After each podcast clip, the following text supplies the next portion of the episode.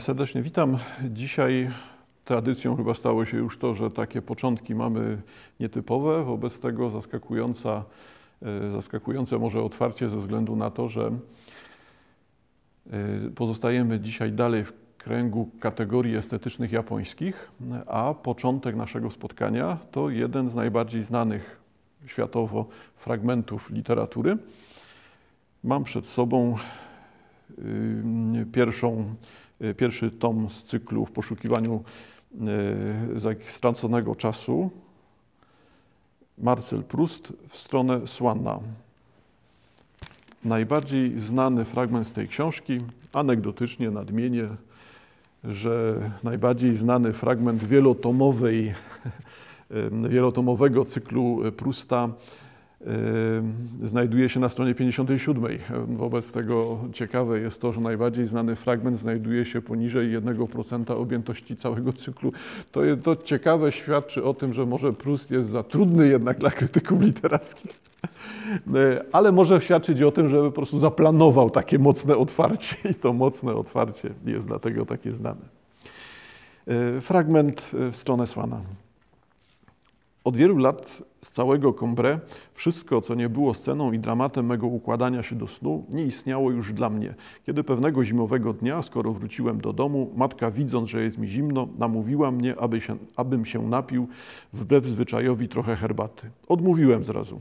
Potem, nie wiem czemu, namyśliłem się posłała po owe krótkie i pulchne ciasteczka zwane magdalenkami, które wyglądają jak odlane w prążkowej skorupie muszli. I niebawem przytłoczony ponurym dniem i widokami smutnego jutra, machinalnie poniosłem do ust łyżeczkę herbaty, w której rozmoczyłem kawałek magdalenki ale w tej samej chwili, kiedy łyk pomieszany z okruchami ciasta dotknął mego podniebienia, zadrżałem, czując, że się we mnie dzieje coś niezwykłego. Owładnęła mną rozkoszna słodycz, odosobniona, nieumotywowana. Sprawiła, że w, każdej, że w jednej chwili koleje życia stały mi się obojętne, klęski jego błahe, krótkość złudna – działała w ten sam sposób, w jaki działa miłość, wypełniając mnie kosztowną esencją, lub raczej ta esencja nie była we mnie, była mną. Przestałem czuć się miernym, przypadkowym, śmiertelnym. Skąd mogła mi płynąć ta potężna radość? Czułem, że jest złączona ze smakiem herbaty i ciasta, ale że go przekracza nieskończenie, że nie musi być tej samej natury. Skąd pochodzi? Co znaczy? Gdzie ją trzymać? Piję drugi łyk, w którym nie znajduję nic więcej niż pierwszym. Trzeci, który przynosi mi nieco mniej niż drugi. Czas, abym się zatrzymał, siła napoju wyraźnie maleje. Jasne jest, że prawda, której szukam, nie jest we mnie, nie jest w nim, ale we mnie. Napój obudził ją we mnie, lecz jej nie zna i może jedynie powtarzać bez końca, ale z coraz mniejszą siłą to samo świadectwo, którego nie umie sobie wyłożyć i którego chcę bodaj móc żądać od niego i odnajdywać je nietknięte według swojej ochoty natychmiast dla ostatecznego wyjaśnienia. Stawiam filiżankę i zwracam się do swojej inteligencji. Do niej należy odkryć prawdę. Ale jak? Poważna niepewność za każdym razem, kiedy myśl czuje się wyprzedzona przez siebie samą, kiedy ona, poszukiwaczka, jest zarazem tajemnym krajem, w którym ma szukać i gdzie cały jej aparat nie zda się na nic. Szukać nie tylko, tworzyć, jest w obliczu, w obliczu czegoś, co jeszcze nie jest i co jedynie ona może zrealizować, a potem wciągnąć w swoje światło. I zaczynam pytać na nowo, co to może być ów nieznany stan, nie przynoszący żadnego logicznego wytłumaczenia, ale przynoszący oczywistość szczęścia, realności, wobec której inne nikną. Próbuję przywołać go. Cofam się myślą do chwili, w której wypiłem pierwszą łyżeczkę herbaty. Odnajduję ten sam stan bez nowego wyjaśnienia. Żądam od swojej inteligencji jeszcze jednego wysiłku. Każę jej jeszcze raz schwycić ulotne wrażenie. I aby nic nie hamowało rzutu, w którym będzie próbowała pochwycić to wrażenie, usuwam wszelką przeszkodę, wszelką obcą myśl, chronię uszy i uwagę od szmerów sąsiedniego pokoju ale czując, że moja inteligencja nuży się bez rezultatu, każę jej przeciwnie zażyć dystrakcji, której jej odmawiałem, myśleć o czymś innym, skrzepić się przed ostateczną próbą. Następnie drugi raz robię próżnię dookoła mej świadomości. Stawiam przed jej obliczem świeży jeszcze smak tego pierwszego łyku i czuję, że we mnie drży coś, co zmienia miejsce, co chciałoby się wzbić, co jakby uwolnionego z kotwicy w głębokiej, e, wielkiej głębokości. E, nie wiem, co to jest, ale podnosi się wolno. Czuję opór i słyszę szum przebywanych odległości. Y, dlaczego ten fragment? Y, ponieważ, zauważcie Państwo, brzmi to podobnie jak doświadczenia, o których wspominałem ostatnio, czy doświadczenia, doznania, przeżycia, y, te, które Japończycy określają mianem mononoaware.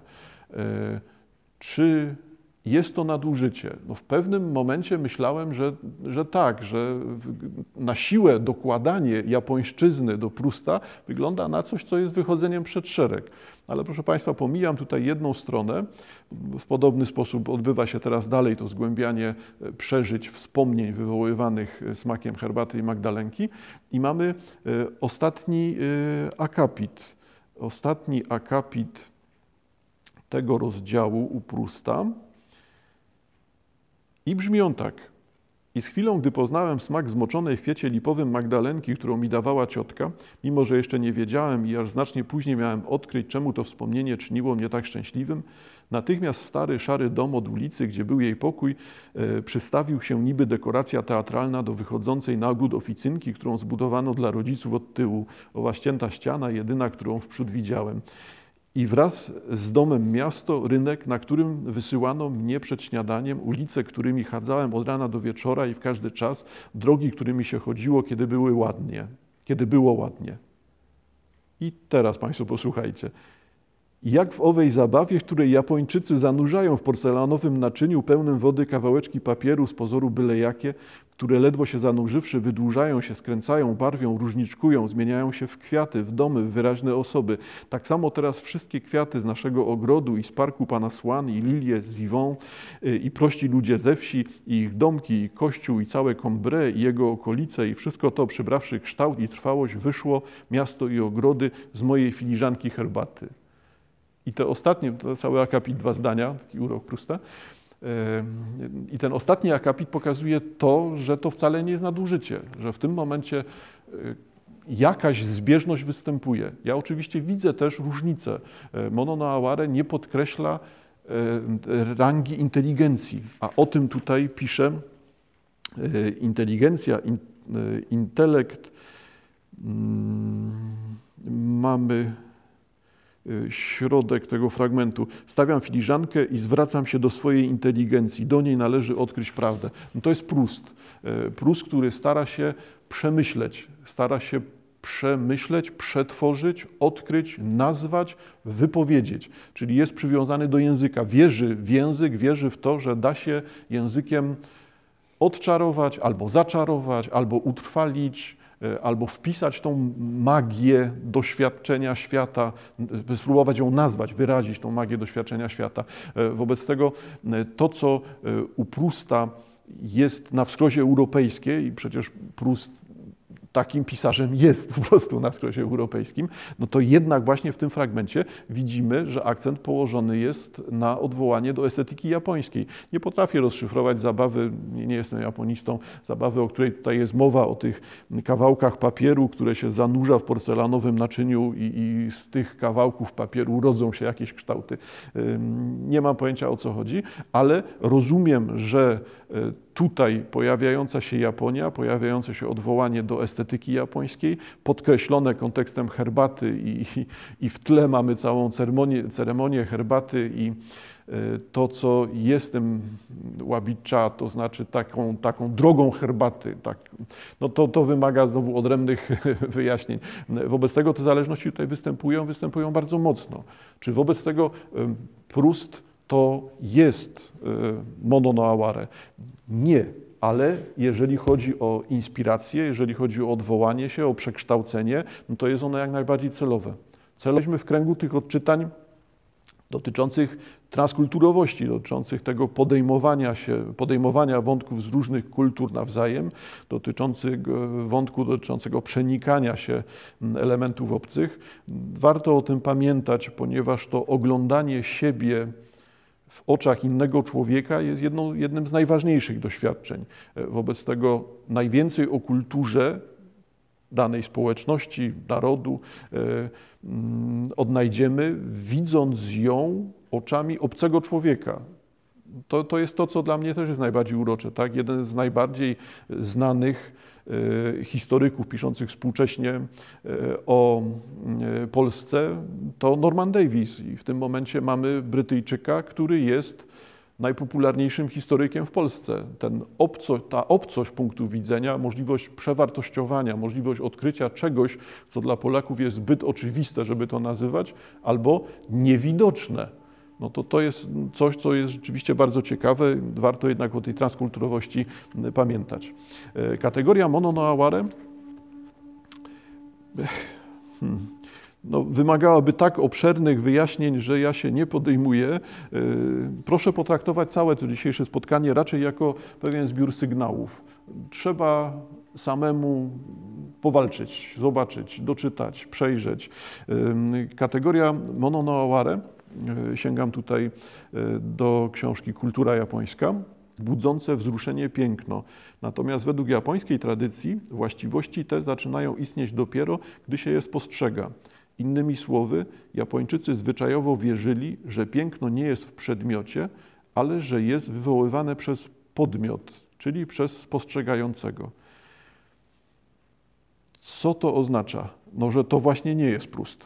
No bo Prust jednak będzie zmierzał w tą stronę, którą mamy tutaj w przeczeniu. Dla Prusta zaryzykuję jednak moim zdaniem, piękno jest w przedmiocie. To, że y, Magdalenka i filiżanka herbaty jest możliwością tak wielkiego odkrycia, tak wielkiego doświadczenia świata, to tak głębokiego doświadczenia świata, y, to to pokazuje, że przedmiot staje się na pierwszym planie. Dla Prusta y, inteligencja wiara w język i podmiotowość jest czymś najważniejszym. Przez podmiotowość u Prusta rozumiem przekonanie o wartości jednostki, o tym, że osoba, która doświadcza świata, jest kimś najważniejszym. Jest to chyba typowe dla całej kultury europejskiej. Przekonanie o jednostce, indywidualizmie, wartości spojrzenia jednej osoby czy doświadczenia świata przez jedną osobę. E, obracamy się, wobec, obracamy się w kręgu e, personalizmu, e, tej, tej, wie, tej wiary w jednostkę to czy ona występuje u Prusta. No, ja teraz przestaję mówić trochę o Prustie, zaczynam chyba definiować e, kulturę europejską. E, w tej sytuacji natomiast, jeżeli spojrzymy z zewnątrz na kulturę europejską, okaże się, że ten punkt widzenia japoński nie jest dla nas oczywisty. Piękno nie jest w przedmiocie, ale że jest wywołane, wywoływane przez podmiot. I w tym momencie e, mononoaware jako wrażliwość na świat albo zdolność bycia poruszanym przez rzeczy, wrażliwość na świat, otwarcie na świat jest e, czymś innym, mówię oczywistości, e, czymś innym e, niż doświadczenie świata przez Europejczyka. To, co Europejczyk będzie uważał za brzydkie, no, e, trochę teraz upraszczam, no, ale zależy mi na tym, żeby e, wyjaśnić pewien punkt widzenia. E, to, co będzie powszechnie postrzegane jako przedmiot zużyty, pęknięty, zniszczony z jakąś skazą, coś, co będzie łuszczącą się farbą, coś, co będzie częściowo spróchniałym, częściowo wypłowiałym drewnem, to to wszystko okazuje się dla Europejczyka czymś nieładnym. Upraszczam. Ja wiem, jaka jest współcześnie moda, do tego pewnie za chwileczkę też dojdziemy, ale ale w sklepach mamy jednak wypucowane, wyczyszczone, niepowtarzalne, nieskażone rzeczy. Nie kupujemy w sklepie pękniętego wazonika i nie kupujemy w sklepie posklejanego wazonika. No, a przynajmniej może nie we wszystkich sklepach. Designerskich to ja rozumiem, tak, ale zwykle nie. Wobec tego, czym jest ta estetyka wrażliwości na świat i czym jest wobec tego ta estetyka mononoaware, która gdybyśmy się zagłębili w znaczenie samego aware, to okaże się, że to, to określenie przez Japończyków może być rozumiane jako biedny, przygnębiony, żałosny, ale też uroczy, imponujący, intrygujący, kochany, ale smutny, ale wyjątkowy. E, I tak rozumiane aware, albo tak rozumiane e, mononoaware, e, to najprościej byłoby tłumaczyć jako smutek rzeczy. Przedmioty, które wywołują melancholię. I teraz, czy to pasuje do filiżanki u Prusta? No i tak, i nie. Częściowo tak, częściowo nie. Prowokuje do zastanowienia i Prust też to świadomie robi. W momencie pisania Y, swoich książek Prust już ma doświadczenia jako Europejczyk z kontaktu z kulturą japońską. Już od kilkudziesięciu lat ta, ta obecność kultury japońskiej w Europie występuje. Co wobec tego w tej estetyce Mono no Aware jest cenne dla Japończyków? Zaproponuję krótką listę. Na przykład zeschnięte kwiaty lub gałązki, popękana lub wyszczerbiona ceramika, solidny drewniany fotel na biegunach. To są celowo listy przedmiotów z różnych miejsc. Łagodne światło latarni, świec lub ogniska. Rzeczy, które napawają nas szczęściem lub nostalgią. Zestarzałe, spłowiałe, porysowane drewno. Rzeczy z targu staroci. Rdza i oznaki rozkładu. Pogniecione lniane serwetki. Szorstkie, nierówne ściany z kamienia. Narzuty złat o wystrzępionych brzegach. Znoszone skórzane torby i buty Przedmioty odzwierciedlające charakter właściciela, zdjęcia, książki, listy, pamiątki. Kamienna ściana, leśna ściółka, omszały dach, słońce przeświecające przez liście, różnokolorowe warstwy łuszczącej się farby. To to jest ta estetyka mononoaware. I teraz y, zauważcie Państwo, że ja mówię o czymś, co jednak jest rozpoznawalne i przez część z Państwa jest pewną oczywistością, bo jesteście otoczeni takimi przedmiotami. Jest to zgodne z modą. Nazwę tą modę za chwilkę.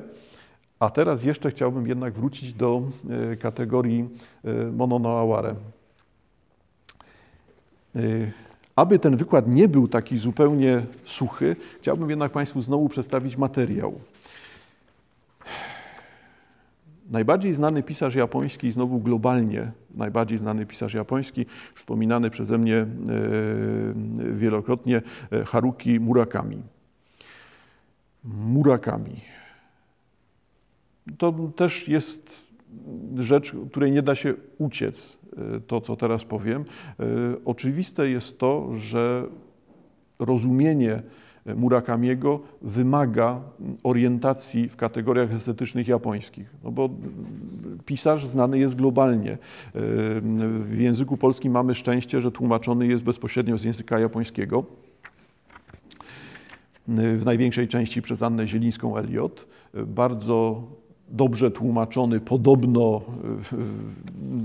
tłumaczka fatyguje się i ustala bezpośrednio z pisarzem, jak to powinno brzmieć. No oczywiście, że Murakami nie jest w stanie weryfikować brzmienia w języku polskim, no ale przynajmniej jest to jakiś punkt odniesienia. No błędem byłoby tłumaczenie tych książek z języka angielskiego, no co robi się głuchym telefonem, no zabawą w głuchy telefon.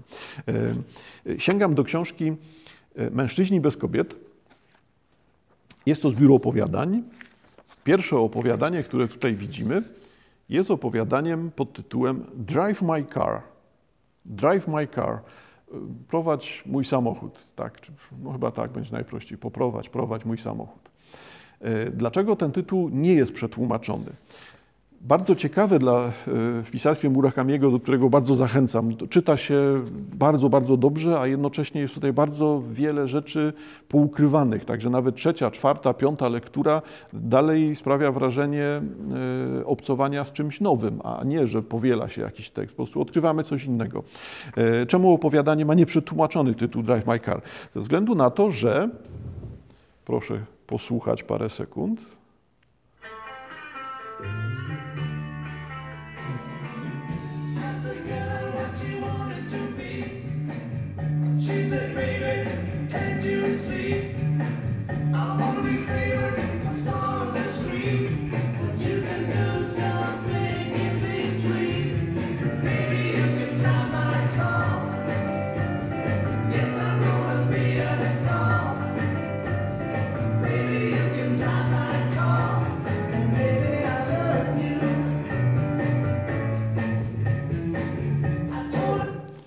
przerwę. O czym jest ta piosenka? Bo oczywiście wszyscy Państwo rozpoznaliście Drive My Car z albumu Beatlesów, Rubber Soul, znana piosenka, globalnie znana piosenka, powtórzę sobie to samo określenie. O czym jest tekst? Tłumaczenie dowolne.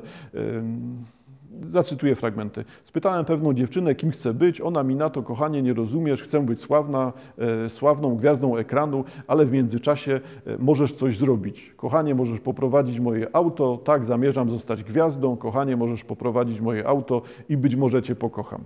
E, I teraz ta rozmowa taka pomiędzy mężczyzną a kobietą, chłopakiem a dziewczyną, sprowadza się do tego, że E, ona zatrudnia go jako kierowcę. I w ostatniej strofie brzmi to tak. Powiedziałem tej dziewczynie, że mogę zacząć natychmiast, zacząć pracę jako kierowca. Tak, no, no rozumiecie Państwo metaforę też, tak? To nie chodzi o to, że on tam. Że, chodzi o to, że on zostaje jej, jej, kierowcą. A to, czy on u niej pracuje, czy jest jej kochankiem, który będzie ją woził, to zostawmy wszystko w domyśle. E, może zacząć natychmiast pracować jako kierowca, może zacząć natychmiast być jej kochankiem, może zacząć natychmiast z nią żyć i jeździć wspólnie samochodem, jak chcemy. Powiedziałem tej dziewczynie, że mogę zacząć natychmiast, a ona, posłuchaj, kochanie, muszę ci coś powiedzieć, nie mam auta i łamie mi to serce, ale znalazłam kierowcę i to początek nowej znajomości. Kochanie, możesz prowadzić moje auto, zamierzam zostać gwiazdą. E, tutaj też ta wieloznaczność dotyczy tego, że czy to w końcu usłyszeliśmy odmowę czy zachętę. Czy to polega na tym, że ona stwierdziła, ty już idź, ponieważ mam innego, e, innego kierowcę, innego kochanka, e, czy jednak go wybiera ten taki dwuznaczny sposób.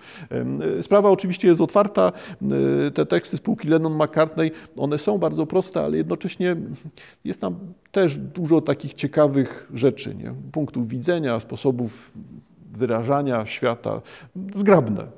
Proste, zgrabne, bardzo często oparte na żartach takich nieprzetłumaczalnych. Tu angliści wiedzą, czym jest urok Lennona, który zawsze odwraca kota ogonem i nic, nigdy nie wiadomo, co jest w tych tekstach. I co? I mamy przed sobą opowiadanie Murakamiego Drive My Car. E, widzieliście Państwo przed chwilą fabułę, jak to jest tym byciem kierowcą kobiety, a sytuacja, e, no nie jednak streszczę dość dokładnie, ale zapewniam, że to nie jest żadne spoilerowanie.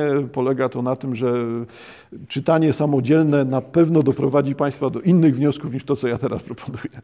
Zachęcam. Opowiadanie Drive My Car widzimy już wdowca, dojrzałego, starego aktora, wdowca. Żona, też aktorka, bardziej znana niż on, zmarła niedawno. E, ponieważ on nie jest w stanie prowadzić swojego samochodu, musi kogoś zatrudnić. I mamy tą sytuację taką samą jak u Beatlesów, czyli on zatrudnia taką samą, aczkolwiek odwrotną.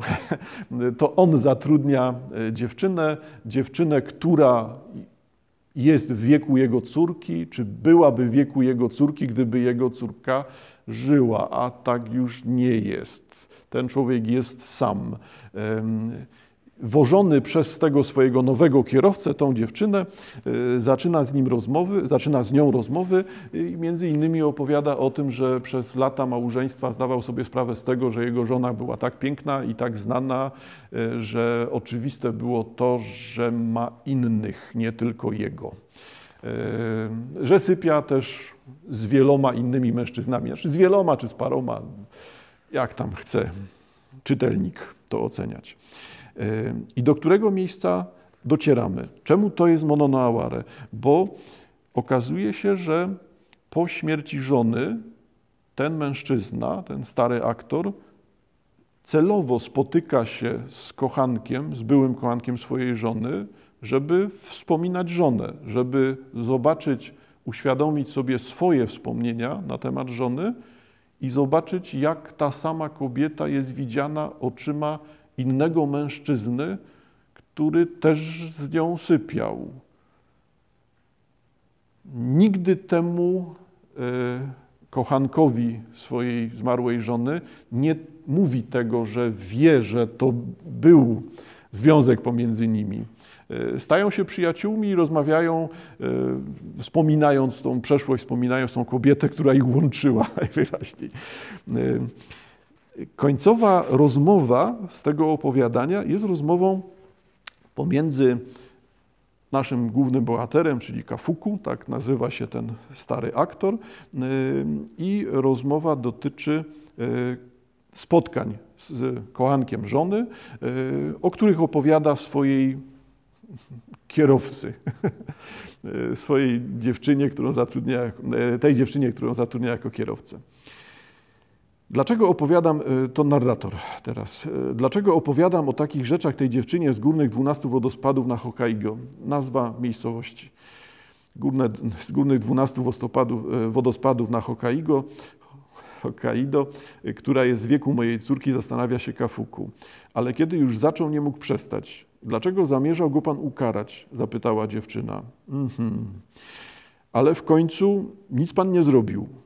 Nie, nie zrobiłem, powtórzył Kafuku. Misaki, to jest imię tej dziewczyny kierowcy, słysząc te słowa, chyba poczuła ulgę. Wzięła krótki oddech, oddech, potem wyrzuciła papierosa przez okno. Pewnie wszyscy tak robią w górnych dwunastu wodospadach. Nie potrafię tego wytłumaczyć, ale w pewnym momencie wszystko nagle stało mi się obojętne. Jakby przeszło mi opętanie, powiedział Kafuku. Przestałem nawet czuć gniew.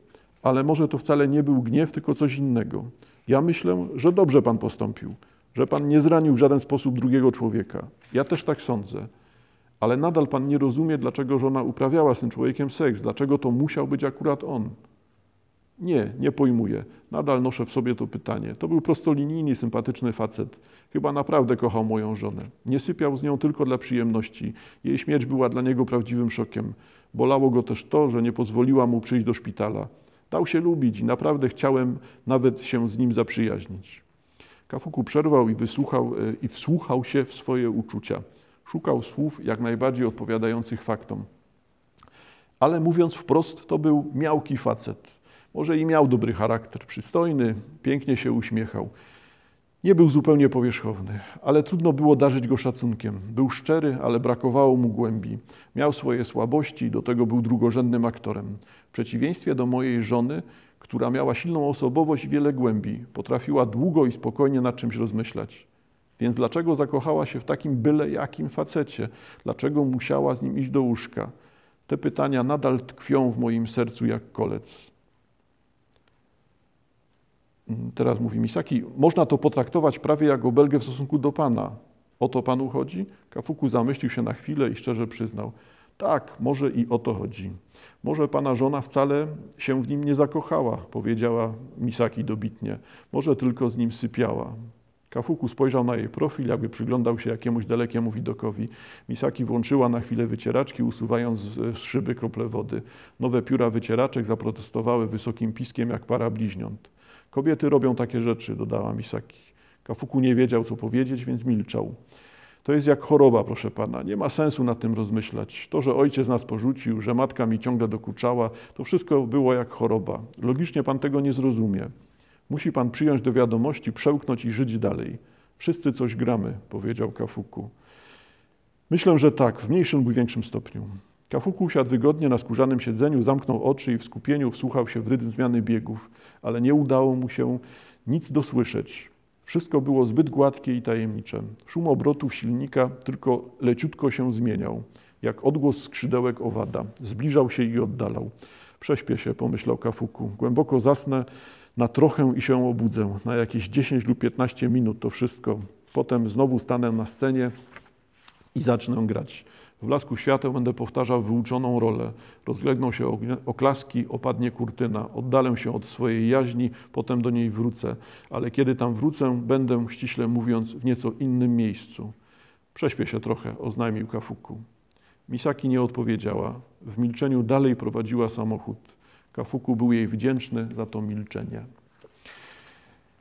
Teraz Państwo zauważcie, jak to się splata, czyli to, o czym wspominałem parę spotkań temu, czyli doświadczenie milczenia, milczenie użyte, użyte jako zabieg literacki, funkcjonowanie tego preteritio, tego celowego pominięcia, przemilczenia. Tutaj mamy wprost przywołane milczenie jako element fabuły, jako rzecz, która należy do tego obrazu literackiego.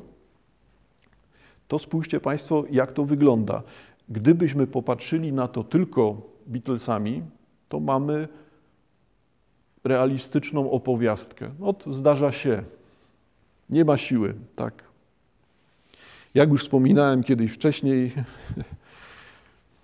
e, e, lepiej mieć e, piękną kobietę i dzielić się z innymi, niż mieć brzydką tylko dla siebie. Absolutnie źle to teraz brzmi, szowinistyczny męski dowcip, ciężki, aczkolwiek powszechnie występujący. Ja to tylko takie suchary cytuję. Odrzućmy to, odrzućmy to, bo nie chodzi o banały. Zauważcie Państwo, jak przeżywana jest ta sytuacja przez obie strony. W które strony, w którą stronę nas prowadzi ten końcowy obraz. Rozmowa o spotkaniach z kochankiem żony, z obcą dziewczyną, którą zatrudniłem jako kierowcę swojego samochodu. To, to jest zaplątana sytuacja. Charakterystyczne dla Murakamiego są właśnie te zaplątania, ale spójrzcie Państwo jeszcze raz. Jaka jest lista znaczeń ukrytych w tej kategorii mononoaware. Aware rozumiane jako biedny, przygnębiony, żałosny, uroczy, imponujący, intrygujący, kochany, smutny, wyjątkowy. Smutek rzeczy. Nawet te wycieraczki skrzypiące na szybie, one należały do tej opowieści. Przedmiot gra w całości. Opowiadanie jest harmonizowane muzycznie przez odgłosy. Opowiadanie ma tytuł odsyłający do muzyki, nie tylko do tekstu, ale też do, do muzyki. Mówię o zabiegach używanych w tym opowiadaniu. Warto pamiętać, że i mononoaware, i właśnie tego typu zabiegi e, literackie są dla Murakamiego charakterystyczne i są swoistego rodzaju kluczem. Tym razem odwołuje się do definicji mononoaware e, za tekstem e, Anny Dudy. Twórczość Harukiego Murakamiego w świetle zjawiska transkulturowości. W opisie e, podcastu znajduje się przypis. Wobec tego, korzystając też z tych ustaleń Anny Dudy, mononoaware pojęcie ma źródło w doktrynie buddyjskiej i opiera się na nietrwałości wszelkich zjawisk. Wszędzie, gdzie nie występuje śmierć ontologiczna, a wszelkie zjawiska przepływają w procesie, w którym nie jest możliwe określenie początku i końca.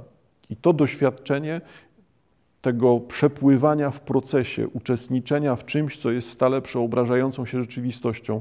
Nic nie jest zamknięte, wszystko pojawia się, roztapia się, rozpływa. No to jest coś, co słyszeliśmy właśnie w tym zakończeniu opowiadania Murakamiego. No to było o tym. To jest ta kategoria.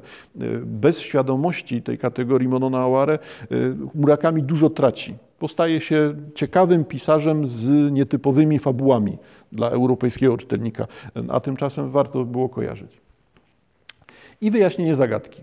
E, innym e, e, przedstawiłem Państwu listę tych wartości estetycznych, wartości estetycznych, które towarzyszą tej estetycznej koncepcji mononoaware.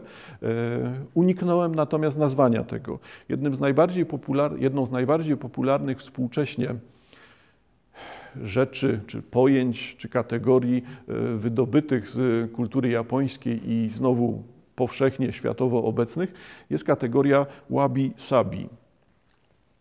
Kategoria wabi-sabi wynika z mononoaware, czy, czy nie da się wytłumaczyć wabi-sabi bez mononoaware. Tutaj, jeżeli jeszcze raz sięgnę, aware będziemy rozumieli jako smutek, nostalgię, to doświadczenie smutku, nostalgii, przemijania, upływ czasu, nasza płynna obecność w świecie, niezauważalne odejście z tego świata i tak dalej. Wracam do kręgu bardzo podobnych rzeczy. Wobec tego, jeżeli tak będziemy rozumieli e, aware, to w tym momencie pierwsza część tego, tej kategorii estetycznej łabi oznacza prostotę, a ściśle prostotę cichego życia, prostotę takiego życia w sposób y, cichy, bez narzucania się, bez wymuszania naszej obecności w świecie. I to w tym momencie jest łabi, prostota, prostota cichego życia. Sabi jest bardzo podobną kategorią, ponieważ będzie to nam oznaczało, będzie to oznaczało dla nas bezpretensjonalną, nienarzucającą się prostotę. Czyli i wabi, i sabi odwołują się do prostoty, odwołują się do czegoś, co jest ukryte, wycofane, pomijane, taka, takie wartości estetyczne, nad którymi moglibyśmy łatwo przemykać, albo takie, które kątem oka dostrzegamy, a, a one tymczasem są tymi najwartościowszymi elementami. Dlatego te dwa pojęcia iłabi i sabi występują zwykle łącznie i tworzą jedno określenie e, wabi-sabi. E, mam przed sobą publikację bardzo ciekawą. E, Żyj wabi-sabi, japońska sztuka odnajdywania piękna w niedoskonałości, przypis w opisie. Książka jest o tyle ciekawa, że poza rozdziałem dotyczącym stricte wabi-sabi i tego, jak wabi-sabi jest rozumiane w Japonii, składa się z kilku innych rozdziałów będących wędrówką po kontynentach. Japonia, Dania, Kalifornia, Francja, Włochy, po to, aby pokazać, że, że żyjemy w globalnej wiosce oczywistości, że to przenikanie kultur jest czymś bardzo prostym, oczywistym, współcześnie nie, nie, da się tego pominąć, y, występowania tego zjawiska. E, wobec tego autorka tutaj wędruje przez różne kontynenty, różne państwa, pokazując, że podobnie e, rozumiane wabi-sabi będzie występowało niekoniecznie w sposób uświadomiony, bo to nie o to chodzi. E, raczej wabi-sabi jest rozumiane tutaj jako praktyka codzienności. Jeżeli doświadczamy codzienności na zasadzie lubię ten wyszczerbiony kubek. Mam taki zwyczaj, że nie będę malował tych drzwi, bo chcę, żeby one wyglądały stare, żeby te warstwy farby wychodziły jedne spod drugich. No to to jest nic innego jak rodzaj estetyki, estetyki codzienności. Y, może być to rozumiane jako rodzaj no, filozofii życiowej, takiego podejścia do świata, do codzienności, do przedmiotu, do osoby. Y, co proponuje autorka? Filozofia wabi-sabi powstała z połączenia dwóch pojęć.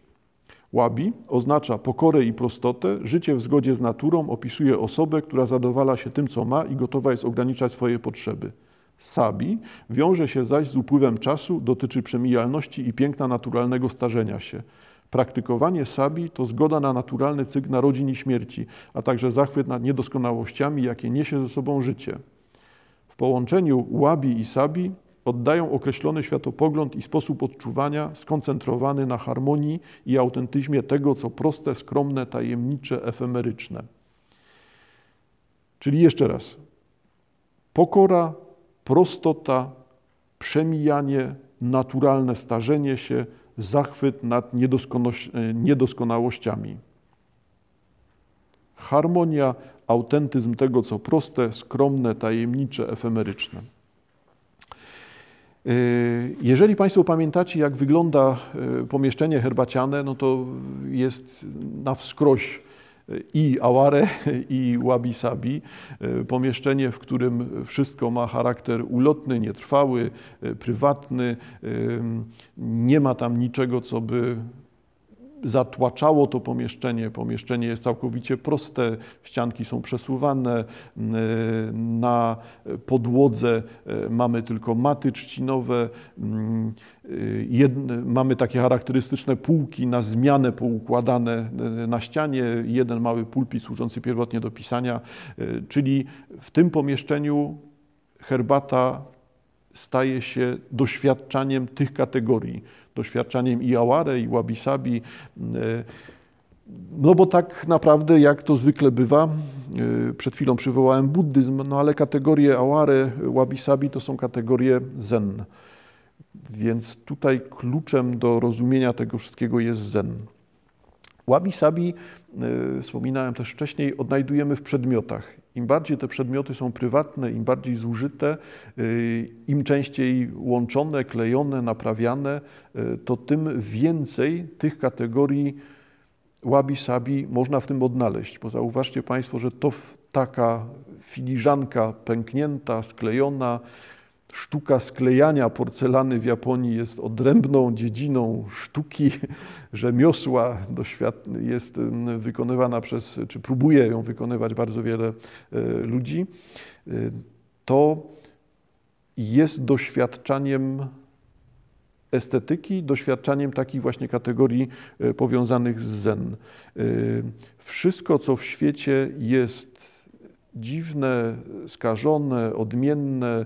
Jeżeli gałąź w drzewie, no to ta gałąź, która posiada też jakąś ranę, to ta gałązka, która będzie, która będzie w naturalny sposób e, wykrzywiona, e, porośnięta czymś, no to to wszystko znowu jest tym samym doświadczeniem e, wabi-sabi.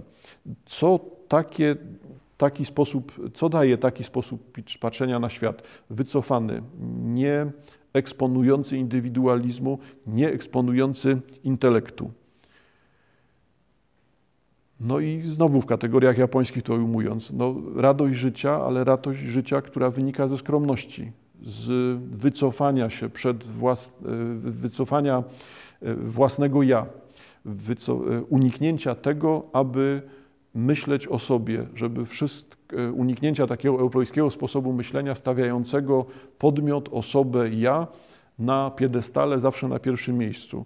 Najważniejsze tutaj byłoby doświadczenie świata, które usuwa ja, usuwa podmiot. Żyj tak, jakby y, żyj doświadczając tego, że ten świat bez ciebie będzie trwał tak samo. Doceń zmienność, płynność, przeobrażanie się świata i nie bądź przywiązany do tego, że musisz mieć swój pomnik, tablicę, ulicę, nazwę pozostawioną, ten, wielką wizytówkę, że ton, ten dom należy do ciebie i sam go zbudowałeś. To, to wszystko są te rzeczy, które dla Europejczyka są oczywiste, a tymczasem niepotrzebnie uruchamiają cały ten bagaż, że to trzeba wokół tego chodzić, zajmować się, poświęcać, angażować, zarabiać, żeby utrzymać, żeby zbudować.